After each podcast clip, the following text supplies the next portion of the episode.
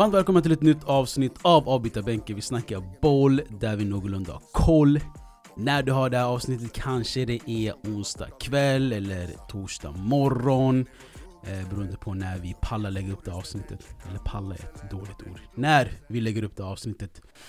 Så kanske det är onsdag kväll eller torsdag morgon som sagt. Eh, det är onsdag den 10 februari och jag har med mig min nummer 10 på ryggen. Mustafa TV, Watawagwan. Skönt att vara tillbaka i studion. Mm. Eh, känns att man eh, har svajat lite fram och tillbaka under de här uppehållen. Men Mm. nu börjar det lite bli mer lite kontinuerligt här. Alltså fotbollen eller vi? Bänken skulle jag säga. Vi har ju varit kontinuerligt ett bra Fotbollen har varit eh, jävligt intensivt under corona. Men den har inte varit kontinuerlig, för det är match varje dag. Vi vet ju inte, alltså förut visste vi, okej lördag, söndag är det match. Ja det är sant alltså. Det är lite för obalanserat eh, schema måste jag säga. Mm, Det känns som att eh, matcher spelas alla veckodagar. precis, precis. Eh, men vi är kontinuerliga i alla fall, jag vet inte vad du snackar om varje vecka i era lurar. Eh, lyssna inte på honom.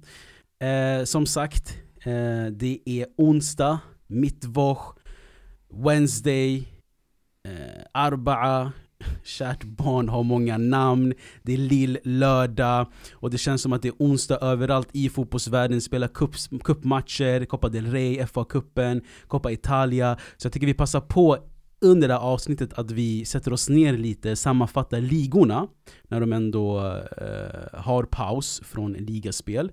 Att vi bara sätter oss ner avslappnat, kollar på tabellen eh, och kollar lite hur, hur det har sett, sett ut hittills. Det har spelats en 22-23 matcher, så det är lite över hälften. Eh, men vi kör en övergång, sen kommer vi tillbaka till eh, sammanfattningen. Kör vi. Våra stolar har landat i England och vi har tabellen framför oss nu så jag tycker på ett avslappnat sätt eh, blickar vi igenom lite, hur ser den ut? Borde lagen ligga där de ligger i tabellen nu eller borde och borde egentligen? Alltså fotbollen är som den är. Det har varit en, eh, en märklig säsong, PGA, Corona och eh, väldigt intensivt som Mustafa sa innan övergången. Det är matcher var varannan dag. Eh, och just nu spelas cupmatchen också. Allt ska du vet, smältas in, det ska spelas cupmatcher, det ska spelas Fifa World Cup, Bayern Munich ska åka till Doha, Eller? Mm. kanske de är i. Eh, vann mot Al-Ahli i, i, i förrgår. Eh, så mycket ska ju hända de här korta perioderna. Och Champions League startar eh, nästa vecka. Så det är mycket. Men jag tycker vi, vi, vi gör en sit down och kollar igenom lite i England-tabellen. Etta ligger City, två ligger United, tre ligger Leicester och fyra ligger Liverpool. Och vi slänker in Chelsea också där som ligger på en femte plats. Eh, spontant, vad tycker du om den här tabellplaceringen? Mm, ganska jämnt måste jag säga. Från andra plats till ja, femte, sjätte platsen. Eh, skulle även kunna räkna in också sjunde platsen faktiskt. För de har ju eh, två mindre spelade matcher än eh, de andra lagen. Och City har ju en mindre spelad match. Men med Guardiolas egna ord så kan vi säga att City är redan mästare. Han sa det, eller hur? Ja, we are already champions. Men sen försöker han ju nog eh, vara ironisk och citera att det här, alltså det här, de här spelarna i det här laget är redan mästare för att de har vunnit ligan tidigare. Jag tror det är så han försöker uttrycka sig. Okej. Men eh, vi alla vet att han försöker ta bort pressen från dem. Men ja, jag skulle hålla med honom faktiskt. De är ju mer eller mindre klara nu. De vann ju sin kanske tuffaste match den här säsongen eh, på bortaplan mot Liverpool. Och eh, har ju en mindre spelad match. Och det blir... Alltså, det kan inte bli svårare för dem. Är det här ditt sätt att försöka säga att United som ligger tvåa och är eh, fem poäng bakom en match mer spelad än City och Leicester tätt bakom med 43 poäng eh, är inga direkt konkurrenter mot City? Nej, alltså jag tror inte det. Eh, många hade höga förväntningar på United. Men det är som sagt, jag har alltid sagt det, man ska inte dra slutsatser efter ett fåtal resultat. En väldigt kort period där man hade en fin form och man klättrade upp på tabellen. Eh, nu märker du själv, alltså ena matchen kan man köra över Southampton med 9-0 och andra matchen lyckas man inte ta hem tre poäng hemma mot Everton. Och det är sådana matcher jag tror man måste vinna för att eh, se sig själv som mästare. Och där tappar man två värdefulla poäng. Så jag tror City mer eller mindre har det här i fickan. Och eh, av alla lag som har drabbats av stora skador så har City visat sig vara det laget som har hanterat situationen bäst. Laporte var ju skadad i början, borta länge. Och eh, man har inte lyckats liksom få in en back som ersatte Company. Och det fick man in nu med Ruben Diaz. Eh, John Stones har hittat tillbaka. Formen, självförtroendet är där. Och nu spelar de utan någon central anfallare. Agüero har ju varit i, borta i princip hela säsongen. Han ser inte Gabriel Jesus som en given startspelare så då har man istället haft Kevin De Bruyne och nu lite grann kanske Sterling eller Phil Foden som falsk nia. Alltså alla har ju spelat det nästan. Ferran Torres spelade, spelade också för någon Exakt. månad sedan. Och jag tror det där experimenteringen som Guardiola har utfört under större delen av säsongen när Agüero varit borta har till slut börjat betala sig. Alltså det här är en kombination av eh, alltså spelare han, han inte har tillgängligt plus att det är Pep Guardiola. Alltså Guardiola älskar ju att experimentera, han älskar Mm. att förstöra för alla fantasy-spelarna. Vem ska han starta med, inte starta med? Ska man ha Agüero som sin triple captain eller inte? Så Pep Guardiola är, är, är, är, är psykad. Eh, jag kommer ihåg när han först kom till City eh, och, och Clichy var med i, i startelvan. Han hade Clichy som en defensiv mittfältare typ. Mm. Och sen att han skulle ag- agera wingback på ett sätt. Så även hur han spelar Joao Cancelo till exempel. Joao Cancelo är ju nästan en, en, en, en spelfördelare i mittfältet. Försöker han göra en Joshua Kimmich till Joao Cancelo. Nej, alltså Eller jag tror han Lahm. är mer, uh, alltså han har högerbackspositioner men den är mer fri. Som Joshua Kimmich när han spelade högerback i Bayern München och Thiago var där, han hade ju lite en friare roll att komma upp. Han var väldigt mycket delaktig i mittfältet. Filip Lam var en sån spelare och även Marcelo och Dani Alves som vi vet, välkända ytterbackar som hade en stor roll i den offensiva fasen. De hade den här fria rollen för att man visste de här tillför väldigt mycket offensivt. Mm. Så de har gett dem friheten att gå upp. Men sen blir det tyvärr luckor där bak. Men då får man ha en stabil mittback som täcker upp när de här äh, lämnar sin position. Det är det, när man säger du vet i meningen, ja, han, är, han, han har en fri roll. Man tänker ju alltid på en nummer 10 där Messi du vet håller på att promenera lite Mm. i mitten. Men han har en fri roll kan, kan nu Marcelo ha. Han har Ja. en fri roll kan eh, Joao Cancelo ha. Att, Men att jag- högerbacken är den nya nummer 10 Jag tror det där är jättebra. Så jag tror man, ska, man måste ha sån alltså, fri roll för en spelare, inte bara i mittfält och anfall, men även i försvaret kan det vara, alltså det kan gynna laget att ha någon som fri roll, för det ger en annan typ av dimension sen när man skapar anfall. För, för lagen, de vet inte hur de ska försvara sig, när de plötsligt ser en högerback komma in i mittfältet, Exakt. inta en position. Att det blir så oförutsägbart. Exakt, och då måste du markera plötsligt en spelare, för om han får bollen helt fritt, du vet att Marcelo eller Daniel eller nu Cancelo kan dra till utanför Mm. straffområdet och skjuta skott. Så Men vi ser ju, alltså när vi kollar på Inters match, vi ser ju hur Ashraf Hakimi är ju längre upp än Lukaku och Lautaro Martinez i, i planen. Exakt, Mm. fast det där är lite annorlunda för att jag tycker när man spelar tre backar, alltså det- jag skulle inte säga till exempel de här wingbacksen har en fri roll. Alonso var en liknande spelare som spelade wingback och gjorde väldigt många mål. Och även nu, debutmatchen med Tuchel gjorde han mål. Vilket, alltså du måste ändå säga till lyssnarna att jag förutspådde det. Det är ju faktiskt, måste jag säga, det är applåderat till din. Han eh, sa att han kommer göra poäng den matchen. Ja, och du, du, du var arg att han startade med Alonso, jag bara lyssna lite på mig, Alonso kommer göra poäng. Inte arg, men du vet, det är väldigt vågat att starta med en spelare som har, inte är i matchform och inte har spelat någon match på nästan ett halvår. Bara träningar och så. Mm. Men eh, jag måste ändå, alltså jag respekterar Guardiola för hans beslut att han inte värvade in någon spelare i januari. Och han gick ut och sa även att vi kommer inte hämta in någon anfallare, någon ersättare eller någon backup-reserv till Agüero för att han är skadad. För att han ville inte förstöra mixen. Och eh, han ville fortsätta med sin alltså experimentering som han höll på med. Och nu till slut så gyn, har gynnat sig. Det har Ja, ja, visat alltså- fina resultat och jag förstår honom. Alltså man ska inte, när man håller på och bygger upp någonting, man ska inte kasta in någonting i smeten om inte man är 100% säker på att det här är rätt ingrediens. Så jag tycker han gjorde rätt i att avstå från att hämta in en, en extra anfallare bara för att fylla i truppen och fortsätt med det materialet du har. Så vi kan konstatera att eh, kocken Pep har inte, äntligen hittat sitt recept till sin Han har hittat ett nytt recept. Han har skapat eh, ett nytt recept, alltså eh, ja, en ny gryta helt enkelt. Ja, helt rätt. Där Agüero inte finns med i mixen. Mm, ja, jag gillar det. Eh, och de vaknade ur sitt ID, de, de var, i början var det jätteknackigt. Så det, du ska inte heller glömma bort att de har spelade mot Liverpool utan också Kevin De Bruyne. Deras bästa spelare förra säsongen. Och de vann med 4-1.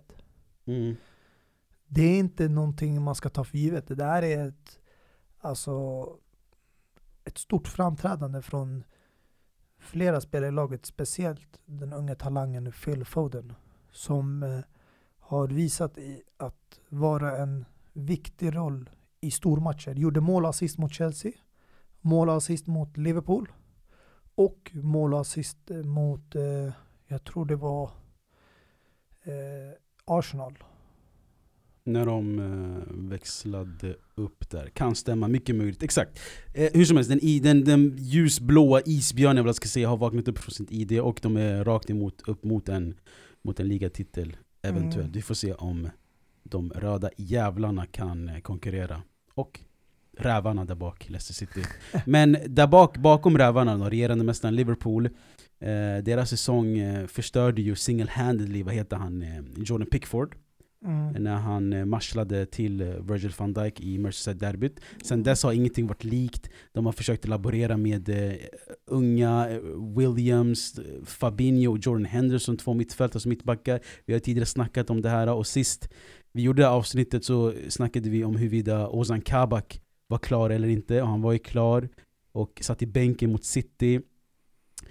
Eh, kan man vara så tydlig och säga att Liverpools, att de ligger där de ligger är på grund av en spelare, Virgin van Dijk?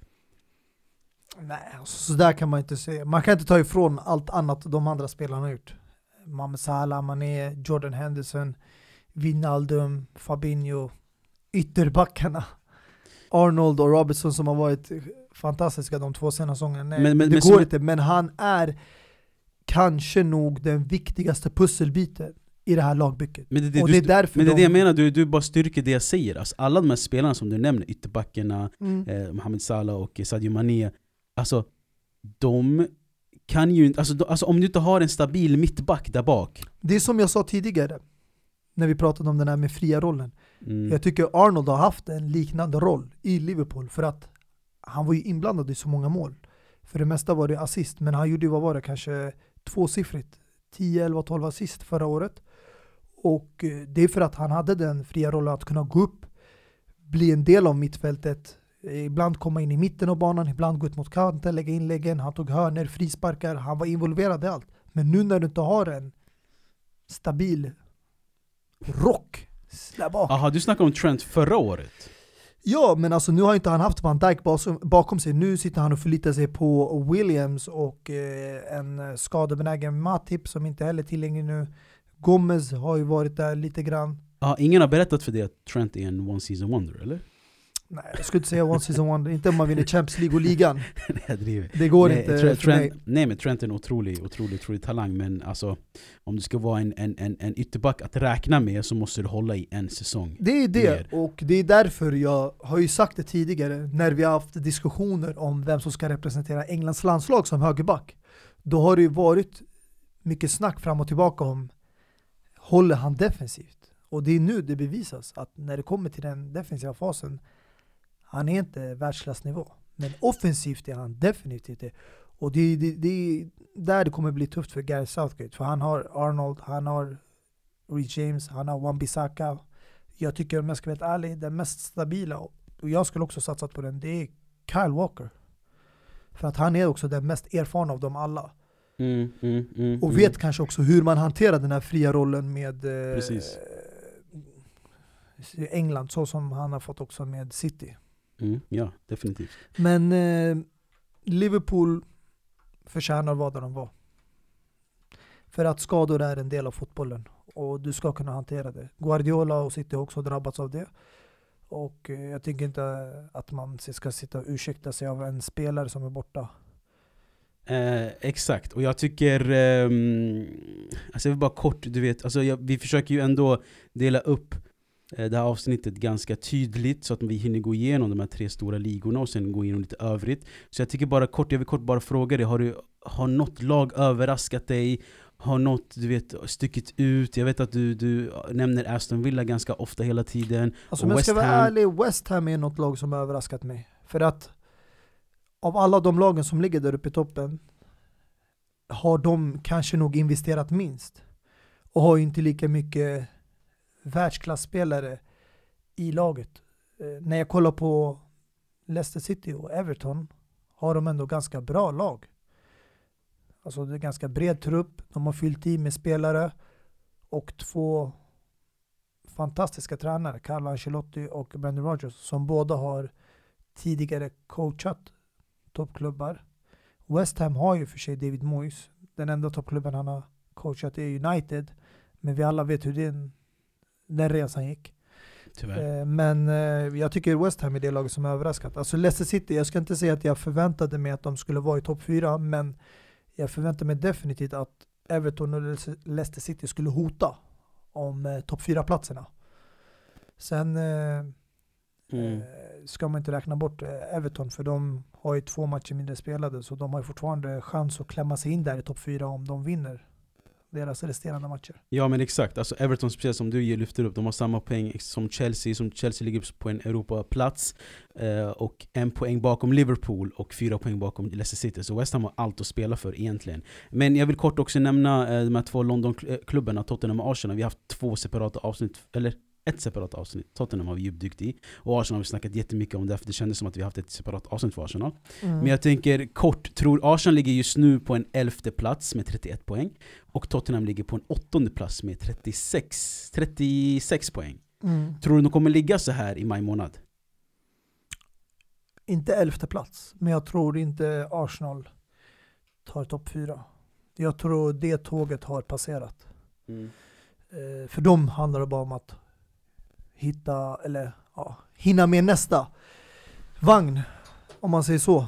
Mm. Jag tror eh, Arsenal har eh, haft det väldigt tufft. Eh, jag ska inte heller ljuga, de har eh, fått en hel del beslut emot sig. Har inte haft turen med sig när det kommer till VAR och sånt heller. Det såg vi när de mötte Wolverhampton. Eh, men däremot så kollar man utifrån det spelmässiga på planen och fotbollen som de har visat upp så tycker jag att de inte förtjänar heller att vara på en Europaplats. Helt ärligt. Jag eh. tycker inte de har varit kontinuerligt bra. Alltså. Det, det har, de har blandat och gett. Och ledningen har väldigt mycket att tänka över när den här säsongen är slut. Om man ska fortsätta med Arteta i styret eller inte.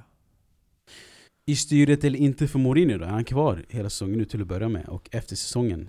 Tror du Tottenham vill, vill satsa på hans spelidé och.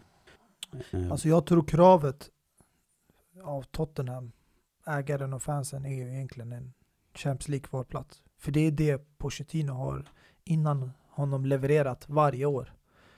Så jag, vet, jag förstår inte varför kraven skulle sänkas när du hämtar in en tränare som är en vinnare och har eh, ett större CV än Pochettino. Så ja.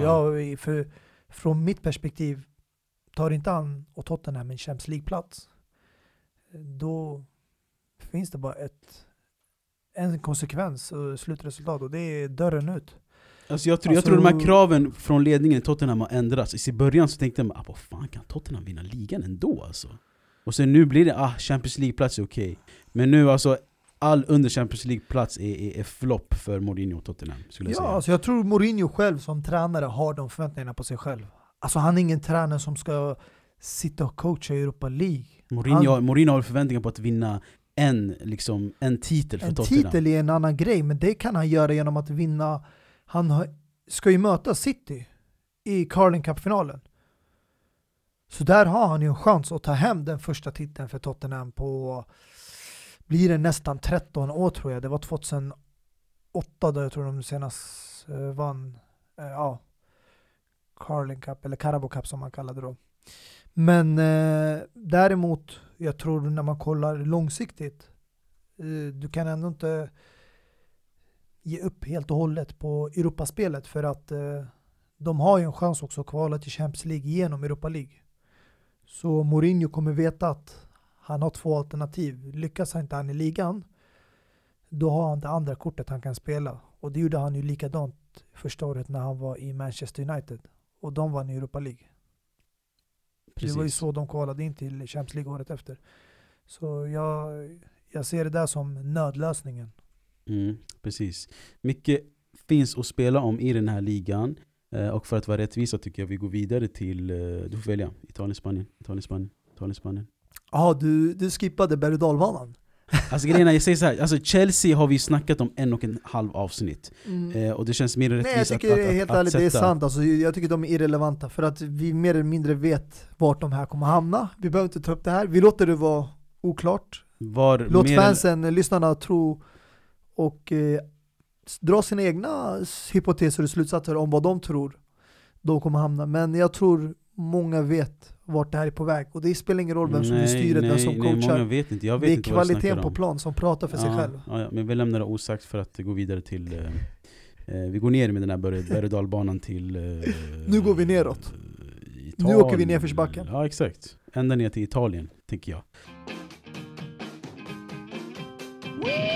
Så där, våra stolar tog oss, eller förlåt, Chelseas eh, berg och dalbana tog oss ända ner till Italien eh, Och framför oss har vi mm, tabellen, jag tänker kort bara läsa upp topp Mm. fem, sex kanske.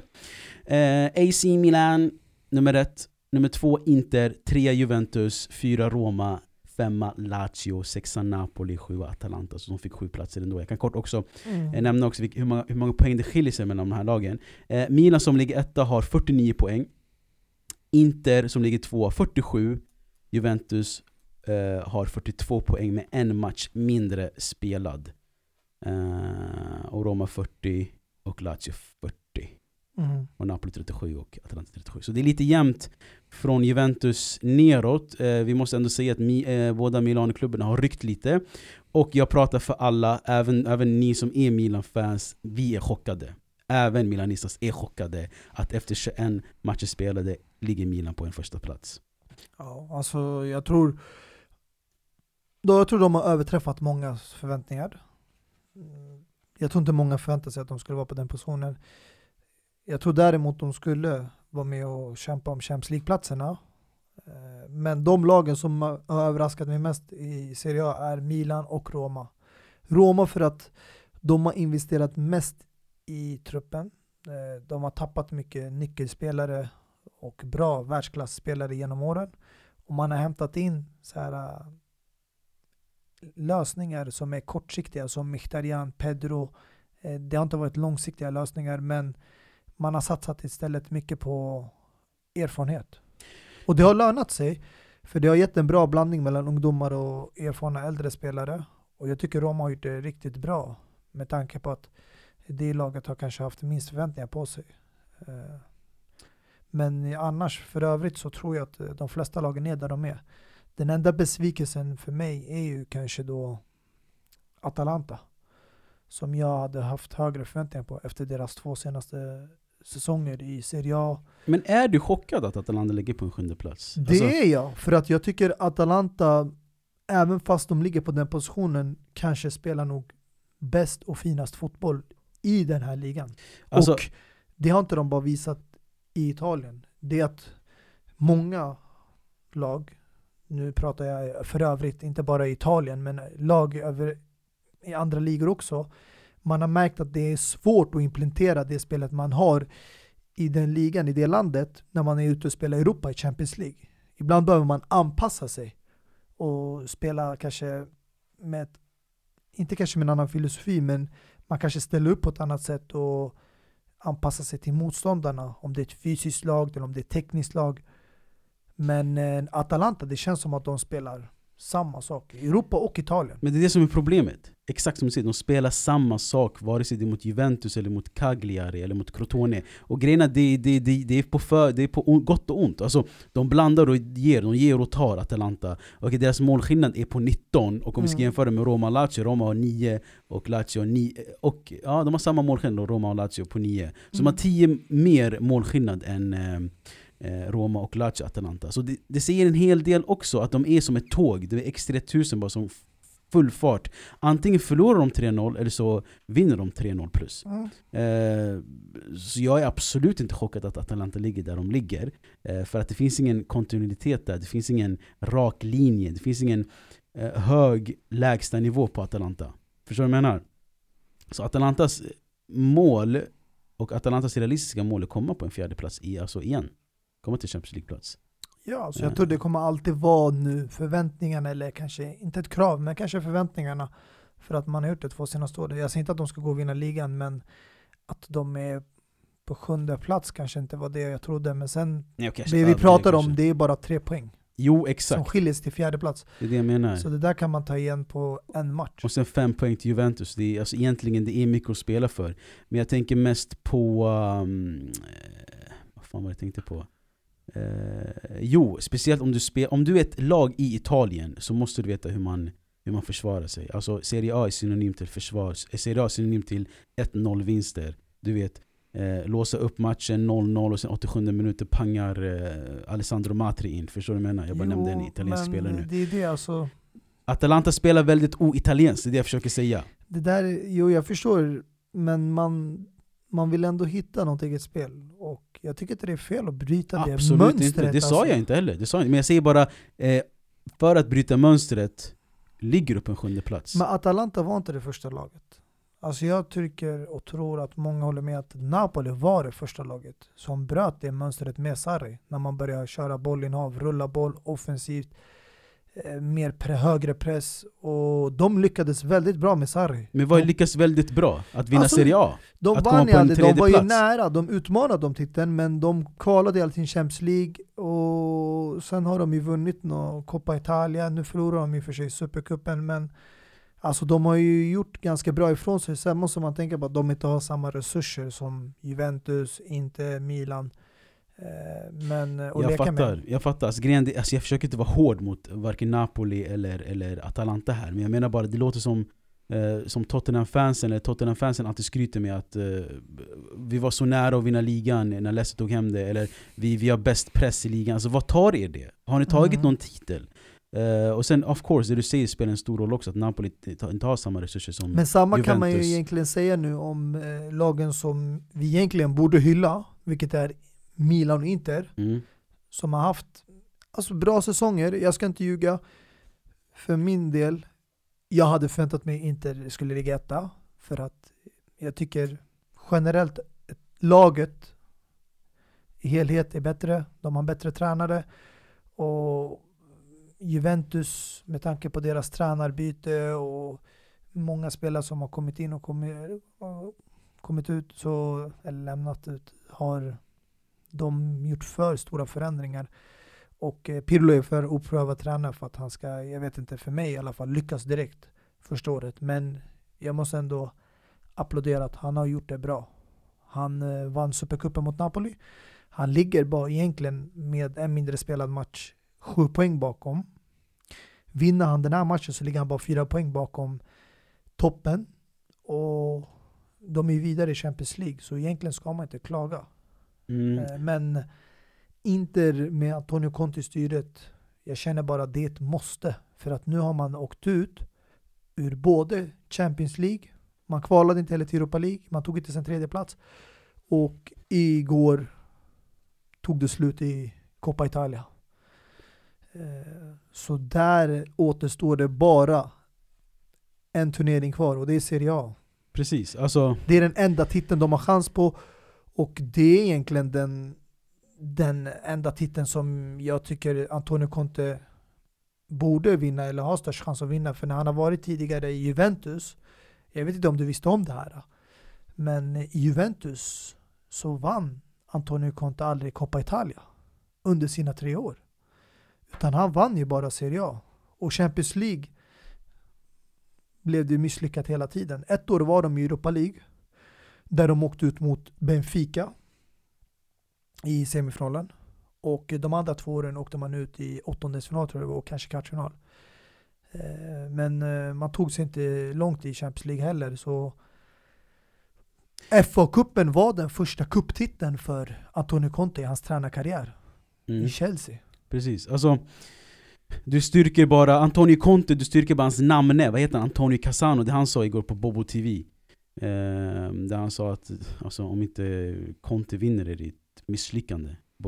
Basically. Det, det, Och han sa liksom, alltså han, de har, han har köpt in alla spelare som Conte ville ha under sommaren. Han har en plikt att vinna, det var det hans med exakta all ord. rätt, och jag håller med. Alltså, även om jag inte har sett det där uh, klippet nu från Antonio Conte, jag känner, jag känner ändå att Antonio omed, Casano. Antonio Det var detta Milan, inte, inte spelaren, Bobo TV exakt, jag håller med till min Sky Sport och du vet eh, Beansport och det, det är ESPN. inte alla som förstår italienska, det jag försöker säga. ja, så- men det finns ju säkert translator och sånt Nej det och gör det text. inte.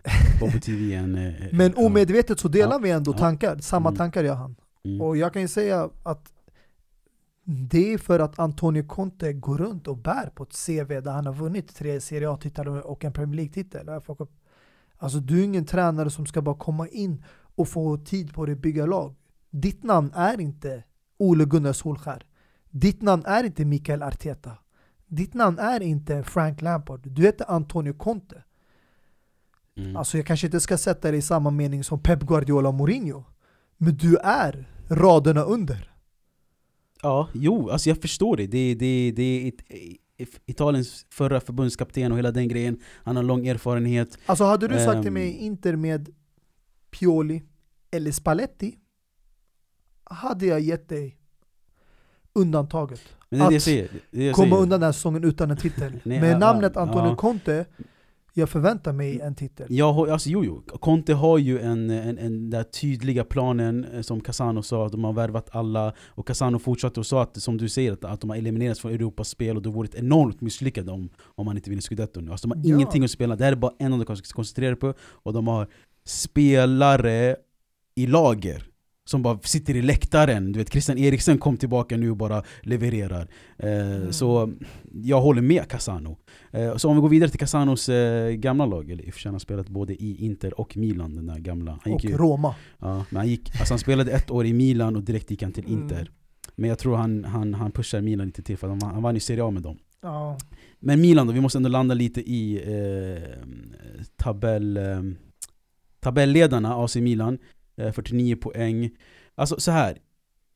innan serien drog igång, eh, som jag sa, ingen hade trott att Milan skulle ligga en etta plats med i samma liga som Juventus och Inter och hela den grejen. Mm. However, när man ser Milan spela idag så förstår man lite. Det är ett kollektivt lag. Det är, det, är, det är spelare som vet exakt vart de ska spela. Det är liksom eh, eh, Rebic som klackar till Theo Hernandez som drar, drar eh, skottet mot eh, Crotone. Förstår du vad jag menar? Mm. Alltså det, det, de, de vet vart de är. Om alla har ögon, ögonbindel på sig så vet de vart de är allihopa. Eh, Theo Hernandez som vi beskrev innan, eh, den här ytterbacksplatsen, har, ju- har ju den rollen också. Den här lite friare rollen. Och, ehm, och, och sen om vi ska addera allt till det här, det är Zlatan Ibrahimovic. Det det, det the key name till att Milan ligger där de ligger, to be honest. Han var ju borta ett tag, men även då så, så hade de liksom eh, the, eh, heter han, the Zlatan mentality på planen fortfarande. De saknade Ismail Benazer, så har de fortfarande liksom Kessie som kan spela som en ensam stark mittfältare. Mm. Eh, så de kompletterar varandra överallt. Nu har de hämtat Fikayo Tomori, eh, de har, Kalulu har kommit fram också.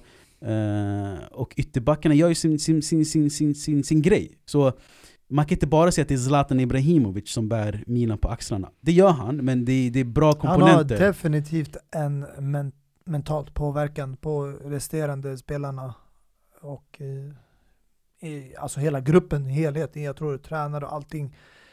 ja, så jag har sagt Det är, Zlatan som, är- alltså, det är som till exempel Cristiano Ronaldo, jag kommer ihåg när folk sa det var inte på grund av honom de vann EM. Bara hans närvaro där, bredvid tränaren, bredvid spelarna i omklädningsrummet på planen, det gör ju en skillnad. Så jag tror definitivt han har ju en väldigt stor påverkan. Och eh, jag tror oavsett hur den här säsongen slutar för Milan, det finns bara liksom ett liksom Alltså det, det, det finns ingenting man kan vara besviken över. de har inget att förlora. De har ingenting att förlora, exakt. Alltså det slutar de på en andra, tredje plats, allting är lyckat. För att tänker man till vad de har varit tidigare, de senaste åren, så har de gjort stora framsteg. Och att vinna ligan är ett stort, extremt stort plus på sidan. För dem just den här säsongen. Så egentligen är det bara att fortsätta som de gör. Eh, och sen jag tycker det är väldigt smart av ledningen att hämta in förstärkning, värva in lite Fikayo Tomori, förstärka försvaret då de haft lite skador. Och eh, hämtat in också Mandzukic, Mm. eh, en backup striker. Så det ger dem en chans att kunna rotera nu när Europaspelet sätter igång. För Europa League har ju också inte bara åttondelsfinaler, men de har ju sextondelsfinaler. Mm, exakt. Så de kommer spela väldigt många matcher om de kvalar vidare varje omgång. Men på tal om förstärkning, du nämnde Mandzukic och eh, Tomori, men en förstärkning jag inte alltså, förstår mig på, det är ju mittfältaren, vad heter han? Solahiu Meite? Mittfältaren eh, som är på lån från eh, Torino väl? Ja, Alltså, han grejen är ju är- bra. han är jag bra, såg han obviously. första matchen, alltså när han spelade i Coppa Italia, nu när de åkte ut mot Inter.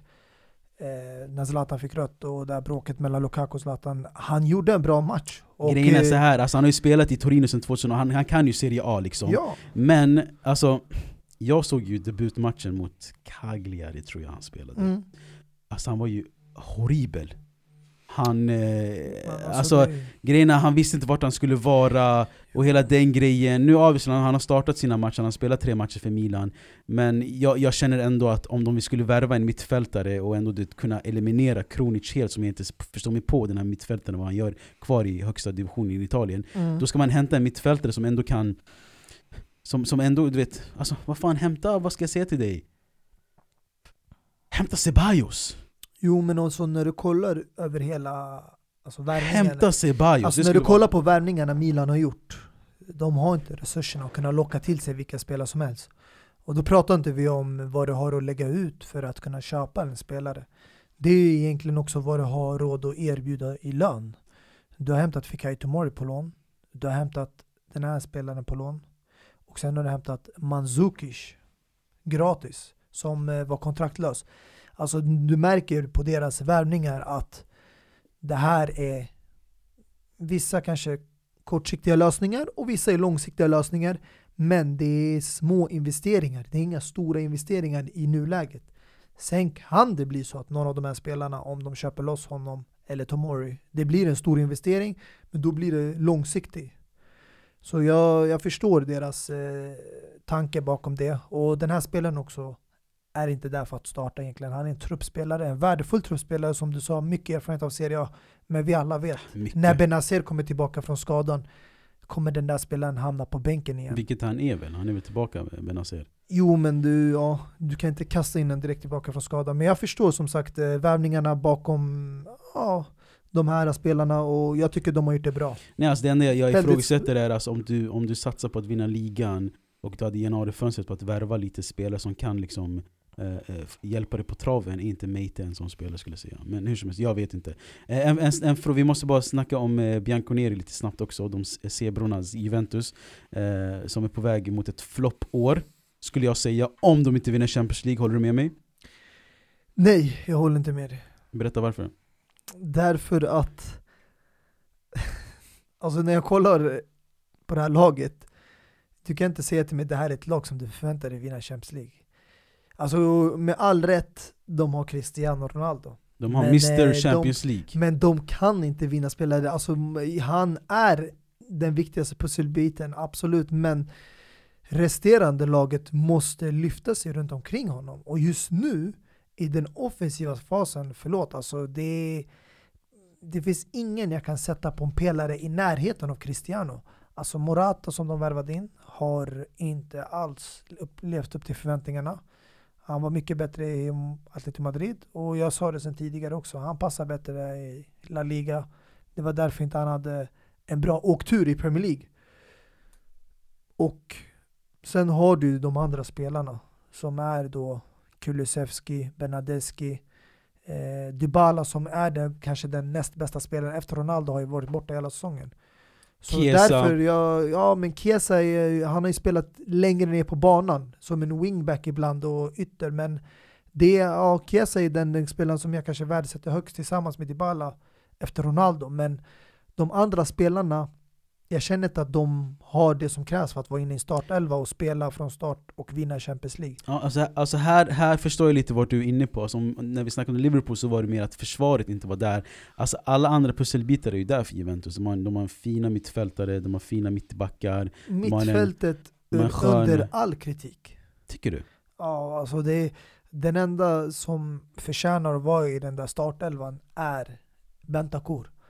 Rabiot, jag vet inte vad han håller Jag tycker på med. Arthur var skitfin mot Roma.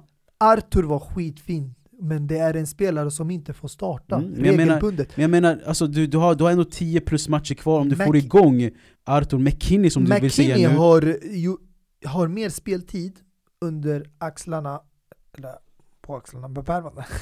ja, på Nej, men McKinney har varit Eller under mer bältet säger man på, väl? Ja, under bältet.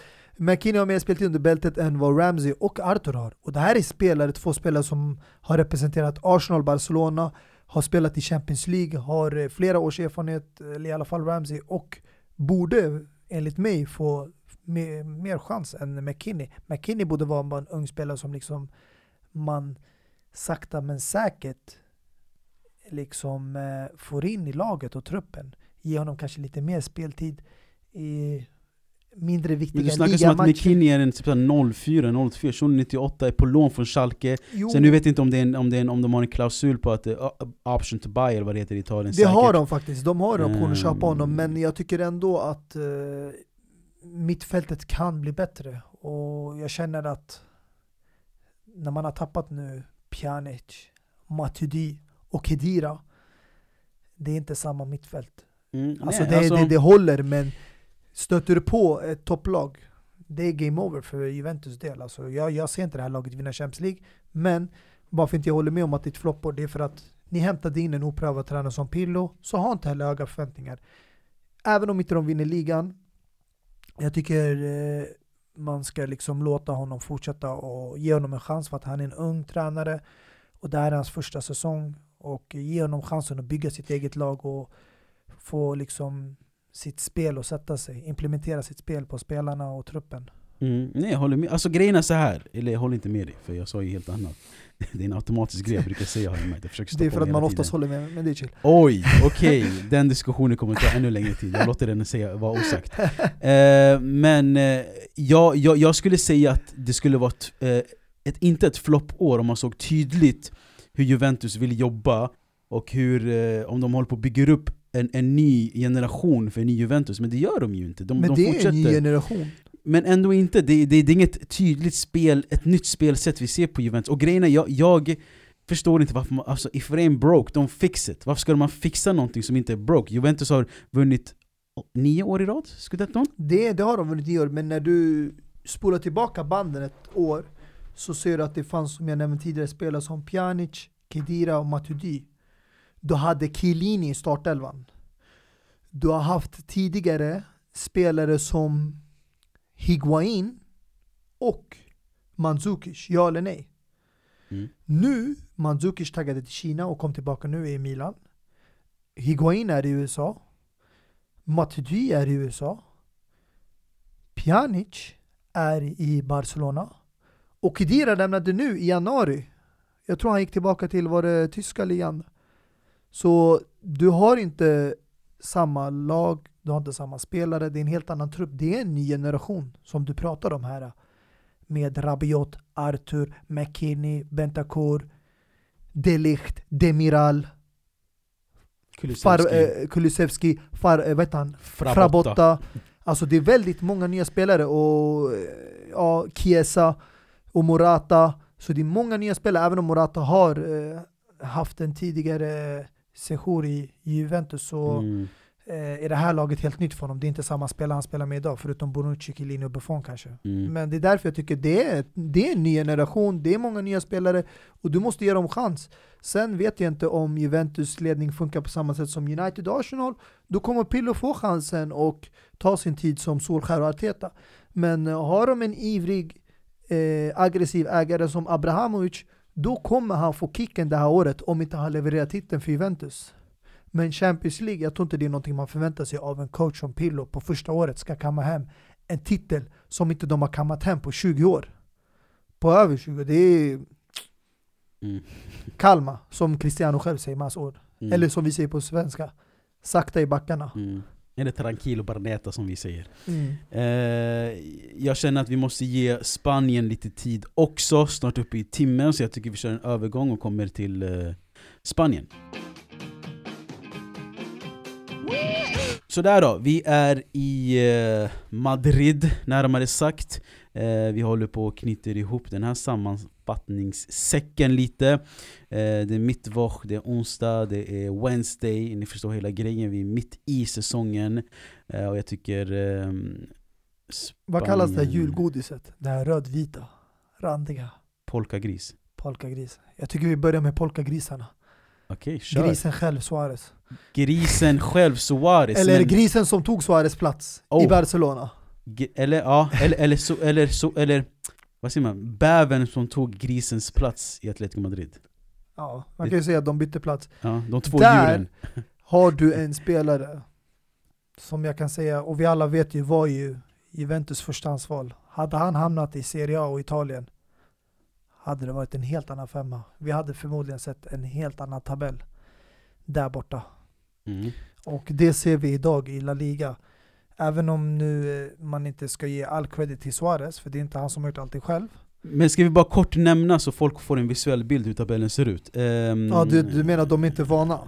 De är ja, vana med eh, att någon två av de färger. andra två, precis. Mm. Eller, ja, antingen blå-rött eller helvitt. De är, va- de är antingen vana med eh, vita maränger, Ja. Eller med Oh, hämta den då, hämta en skön exempel. eller... åh, jag kommer inte på något blårött. Ja, skitsamma. hallon, blåbär, eh, kvarg. Ja, jag gillar det. Hall, exakt, antingen de van med vit, ma, eh, marängvitt eller hallon blåbär kvarg. Mm. Ja, hur som helst. Eh, etta ligger Polkagrisen Atletico Madrid. Eh, två ligger Real Madrid, trea Barcelona, fyra Sevilla, femma Villarreal och sexa Real Sociedad. Och poängmässigt så är det så här. Eh, Mad- Atletico Madrid har 51, Real Madrid har 46, Barcelona 43, Sevilla har 42, Villarreal har 36 och Real Sociedad har 35. Ja, varsågod. Atletico Madrid vill du börja med.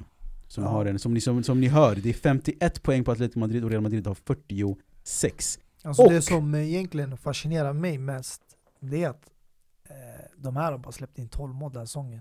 Och jag vet inte nu hur det riktigt ser ut rekordmässigt i de andra ligorna. Men jag vet ju att i England, i Premier League, ligger rekordet på 15 insläppta mål på en hel säsong. Och det var med Mourinho, Chelsea, eh, året eh, 2005 då. Så jag måste säga att eh, Atletico Madrid har gjort ett riktigt bra år och jag vet att många pratar om världens bästa mål de nämner Manuel Neuer. Men jag sätter faktiskt Jan Oblak som världens bästa målvakt i Europa. Och eh, jag, jag ska inte ljuga, jag förväntade inte mig att Atletico Madrid skulle vara där. Jag hoppades på det för att jag visste att Barcelona kommer ur en krisläge där de haft det jobbigt ekonomiskt och Real Madrid håller också på att få en liten ganska ny generation skulle man kunna säga. Man kanske också ska nämna att de har två mindre matcher spelade än tvåan Real Madrid Atletico Madrid. Ja, Två! Det är sex poäng de kan kamma in. exakt. Och man leder redan då med eh, fem, Fem poäng. Så Mm. det kan ju bli eh, hela 11 poäng. Precis, precis. Och eh, jag tror mer eller mindre att Atletico Madrid har säkrat ligan.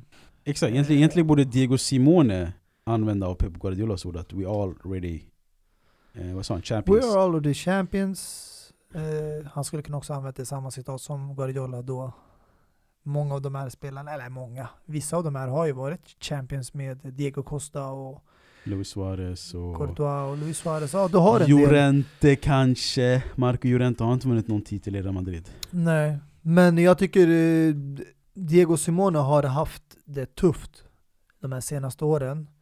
Eh, där man har förlorat också två Champions League-finaler och har bara lyckats ta hem en ligatitel som det var då innan Griezmann-eran. Men eh, jag tycker nu känns det som att de verkligen har kommit igång och eh, självklart, alltså en värvning av Luis Suarez kvalitet har hjälpt enormt mycket.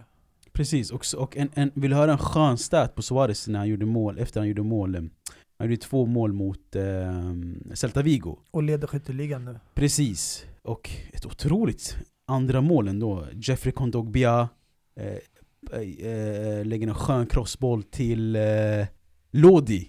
Och sen, Mm. det, var, det blev en triangel bara. Kondogbia, Lodi och sen Suarez. Alltså Mm. otroligt fint. Om ni inte har sett det, sök på youtube.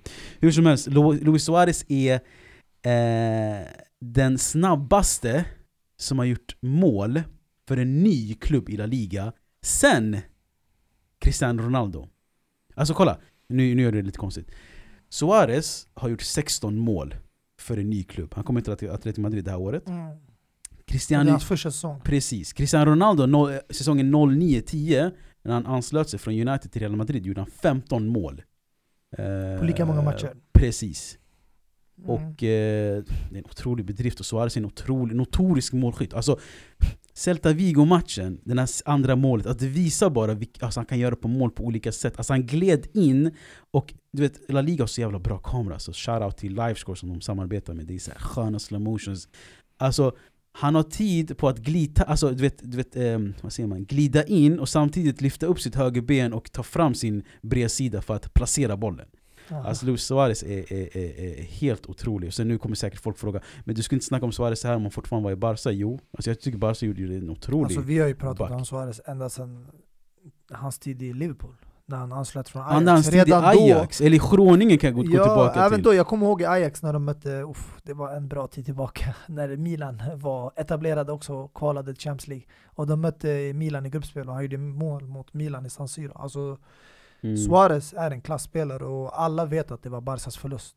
Men tyvärr, alltså, grejen när jag, när jag ser matcherna till mig, jag ser att Suarez inte är... Han, inte, du vet, han njuter inte. Det här är mer, du vet, han vill eh, visa vad folk har gått back. Han vill bara peppra den här ligan. Men det är på ett sätt ändå, alltså en bra tillgång för, en, eh, alltså, för ett lag. Alltså om jag skulle vara en tränare och jag vet att en spelare verkligen brinner inombords och han är lite frustrerad över att folk har tappat förtroende för honom. Och han vill bara gå ut och visa, motbevisa folk. Mm, Välkommen till mig. Mm. Välkommen till mitt hem och Mm. gör här vad du vill. mm, Visa dem vad de går miste om.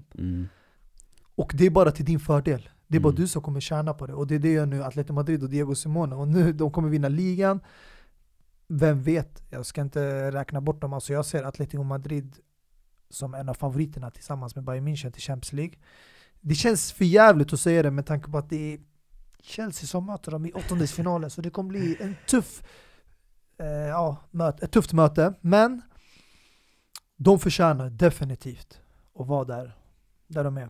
Mm, precis. Um, vad tänkte jag på? Jo, Real Madrid som ligger tvåa. Eh, en intressant grej vi snackade om i bilen här på väg hit är ju att du gjorde en spelare debut för någon matchen mot Getafe. Ja. Startade faktiskt. Vill du säga vad han heter eller? eh, Får jag säga vad han heter? Du får jättegärna försöka. Sen kanske inte Uttala. mitt uttal är 100% korrekt, Varsågod, försök. men det här är ju en ny spelare för oss alla som gjorde sin första start för de vita marängerna. His name is Marvin Olawale Akinlabi Park. Men han kallas Marvin Park.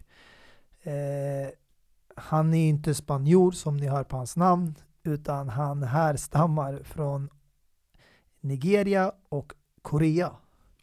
Farsan från Nigeria och morsan från Korea. Vilken blandning! Otroligt. Och sen är han kommer född i igenom- Spanien. Född i Spanien, kom igenom Spaniens akademi, tidigare representerat Real Madrid B-laget och nu in i A-laget.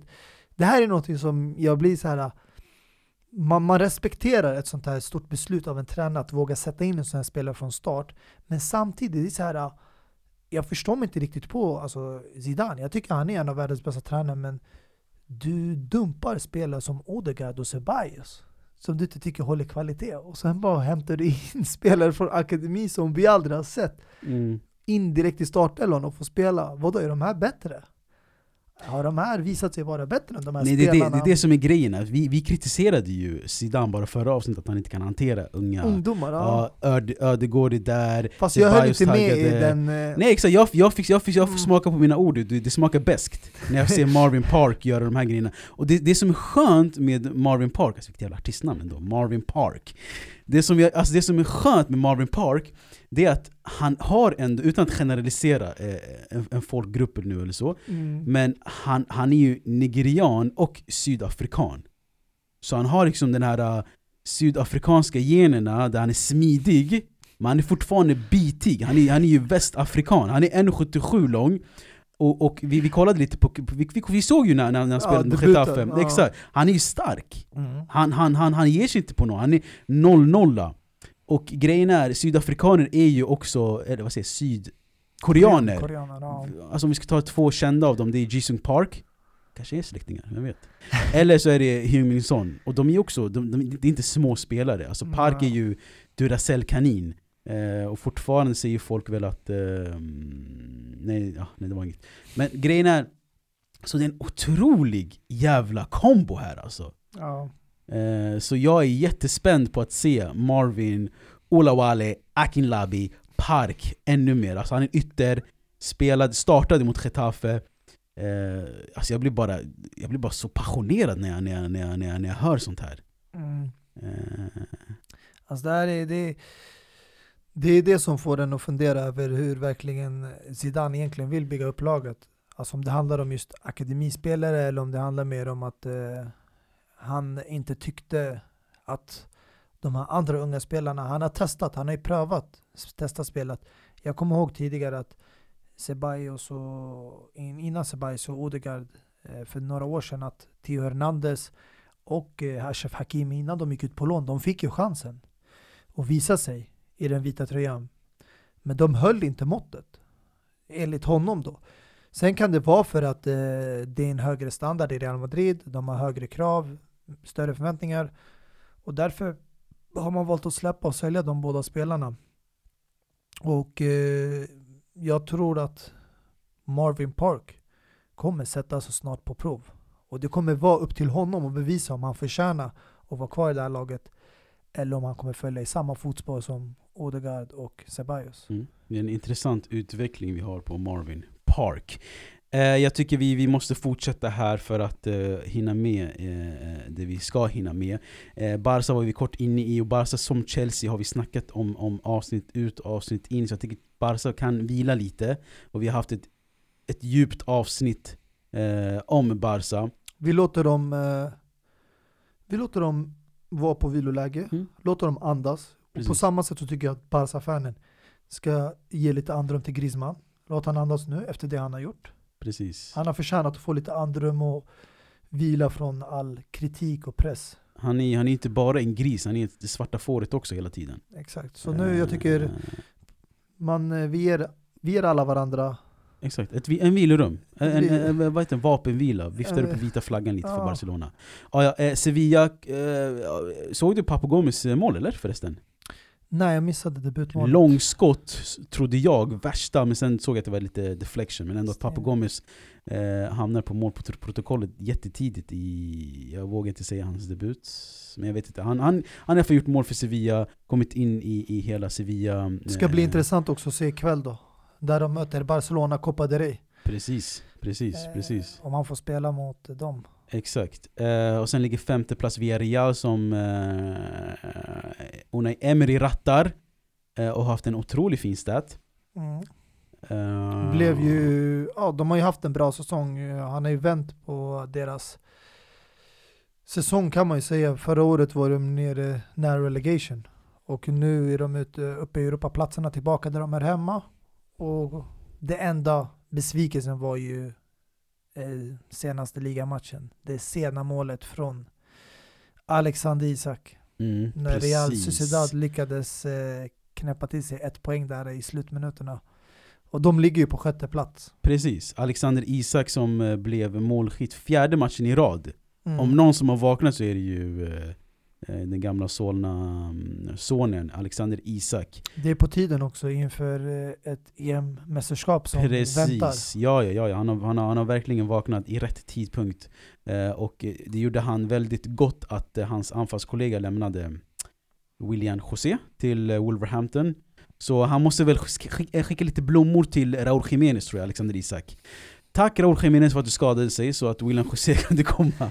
Men det sjuka är att han, eh, Wolverhampton. han skulle ju ha lämnat egentligen länge sedan. Han var ju nära till Spurs, Tottenham. Men han var ju fortfarande eh, mer given än Alex- Alexander Isak ja, det är för att han, ja, han har ju också bet, ett bättre mål på Så det, är- det är skitnice att eh, Real Sociedad, att Alexander Isak är den första anfallaren i Real Sociedad.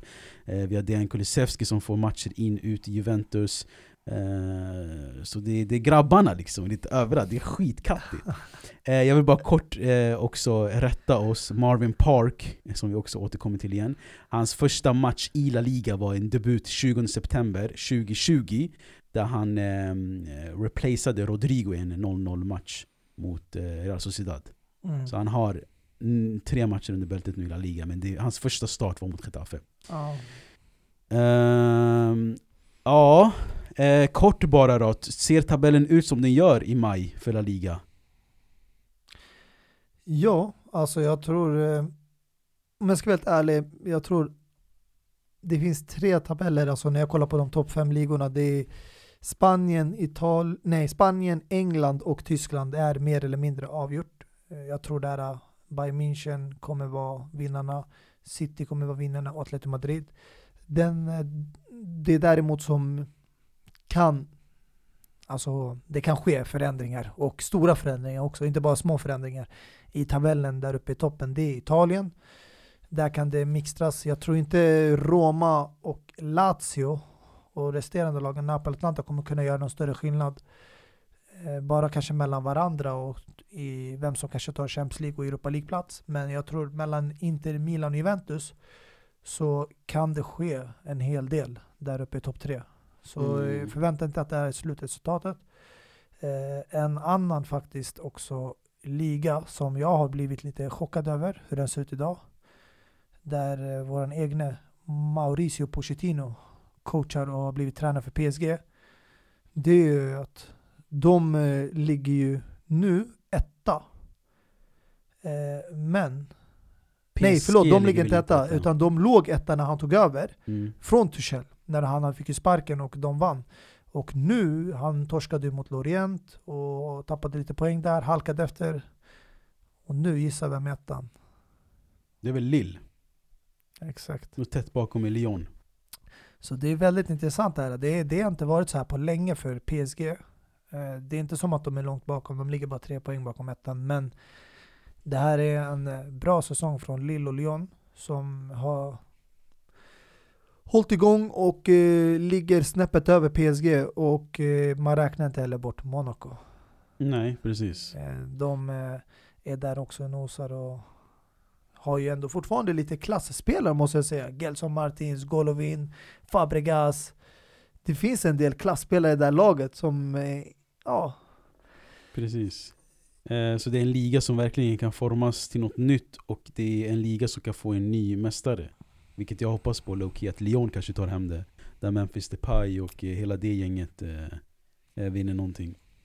ja. Eh, med det sagt då, fan vad fint att vi fick, vi fick med Ligue 1 också. Jag gillar din sammanfattning kort också, att du drog den. Eh, och eh, Bund- Bundesliga på något sätt.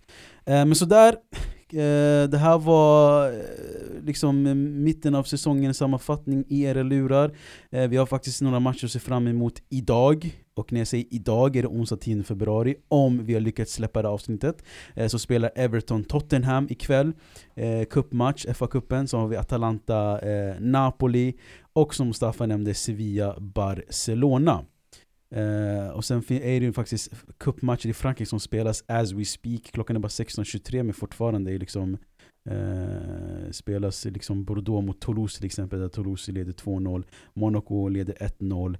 Eh, fan vad tidigt ändå franska cupen spelas på en onsdag. Um, ah, ja, skitsamma. Det här var onsdag. Eh, och vi hörs väl någon gång nästa vecka. det gör vi. Förlåt, vet du vad jag vill avsluta med? Vadå? Lite tragiskt faktiskt. Ehm, men jag tycker ändå det, det är intressant att nämna det. Jag Jerome tycker det är Boateng. värt att nämna det. Precis. Man, alltså, fotbollen är alltid rolig och det, vi, vi har haft skitkul den här timmen som vi har snackat. Men det är på sin plats också att nämna eh, att eh, Jerome Boatengs ex-girlfriend hittades död för någon dag sedan. Eh, och Boateng gjorde, ja, de var tillsammans i 15 månader. Eh, och hon hette så mycket som eh, Kasia Lenhart. Eh, Mm. Sätt ett namn på, på, på, på, på liksom, hon som dog också är, en bra grej och en fin grej att göra. Men Cassie Lan- och eh, Jerome Boateng var tillsammans i 15 månader. Eh, och en vecka efter att de gjort, slut så hittades hon död i hennes eh, lägenhet. Och vidare uppgifter har man inte gett, liksom vad som har hänt och så. Och tragiskt. Det är väldigt tragiskt. Och ja, oavsett vad som har orsakat döden så vill man aldrig att någonting händer. Och jag kan förstå att det kommer vara en jobbig tid nu för Jerome Boateng som var tillsammans med den personen och för övrigt eh, Bayern München-laget som kanske har träffat på henne under de här senaste månaderna. De som känner henne och varit nära henne. Precis, 15 månader är ändå en lång period. Det är ett år och eh, tre månader. Eh, och alltså, vi, vi, vi, vi, har inte, vi håller inte på att skicka ut spekulationer här. Varför jag nämnde att, att det var en vecka efter att de har gjort slut är ju inte för att vi tror på att Boateng ligger bakom det liksom. Nej, definitivt. Eller att, det liksom, att Boateng är ju i, i, i, i, i Arabemiraterna nu och Mm. spelar World Cup och har varit där den senaste veckan. Eh, och att vi, vi, håller, vi håller inte på att spekulera att han har skickat någon torped till henne heller och så. Men faktum är att vi, vi, vi säger ju det, vi, det, vi, det, det som står på tidningarna, we're just a messenger och eh, messengers. Det kan ju Och- finnas en koppling Såklart till det kan deras finnas. breakup, att det, Precis. det slutade dåligt och man mådde dåligt psykiskt. Sen vet man inte som sagt, så man ska, jag tycker inte man ska dra några slutsatser men eh, Absolut alla kommer ju inte. sitta och spekulera själv. Men Men, var det inne- viktigaste det är att förstå att det är, det är ingenting man vill ska hända någon, oavsett om man gillar eller ogillar människa. Precis, och jag var inne du vet på Boatengs instagram en snabbis bara för att se om folk kommenterar massa dumma grejer Men han har ju stängt av sina kommentarer en lång tid tillbaka För så fort du vet, bara du vet, alltså folk kommenterar på Sterlings bilder fortfarande med så här orm-emojis för att han lämnade Liverpool Alltså det finns ju massa sådana Mm. som, som inte ger upp, förstår du vad jag menar? Eller Men han lämnade inte Liverpool fri, alltså det var inte han som ville. men fortfarande, förstår du vad jag menar? Alltså, Ja, folk jag folk, folk, glömmer inte bort saker Mm. Även det här som hände Marcos Alonso, så, alltså, jag tycker bara att alltså, förhoppningsvis är det inget som, som liksom eh, att, att det är ännu mer hemskt, att det var en, någon, någon liksom dödsorsak som går att smälta, förstår du vad jag menar? Men eh, vi skickar alla kondolenser till Cassia Lenharts familj och hennes vänner och till Boateng självklart eh, så får vi se vad, vad som kommer ut för uppgifter allt eftersom. Mm. Eh, Men med de sorgliga tonerna och eh, med de sorgliga nyheterna eh, tycker jag vi avslutar dagens avsnitt.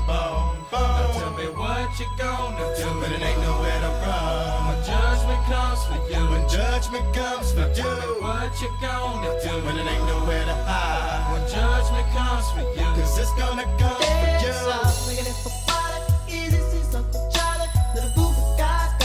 And I'm gonna miss everybody out of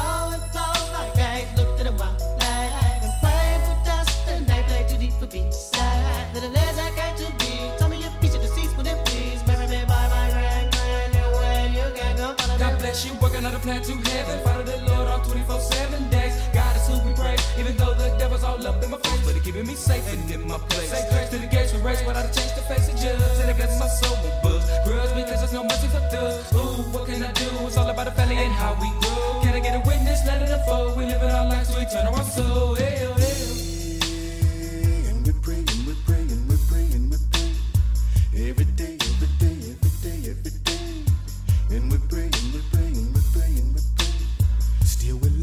Follow me, Rosto. Whether it's teller or savage, come let's go take a visit to the people that's long gone there is. Well, he's there, terrible. Instead of keeping up with family, exactly how many days we got lasting? While you laughing, we're passing, passing the.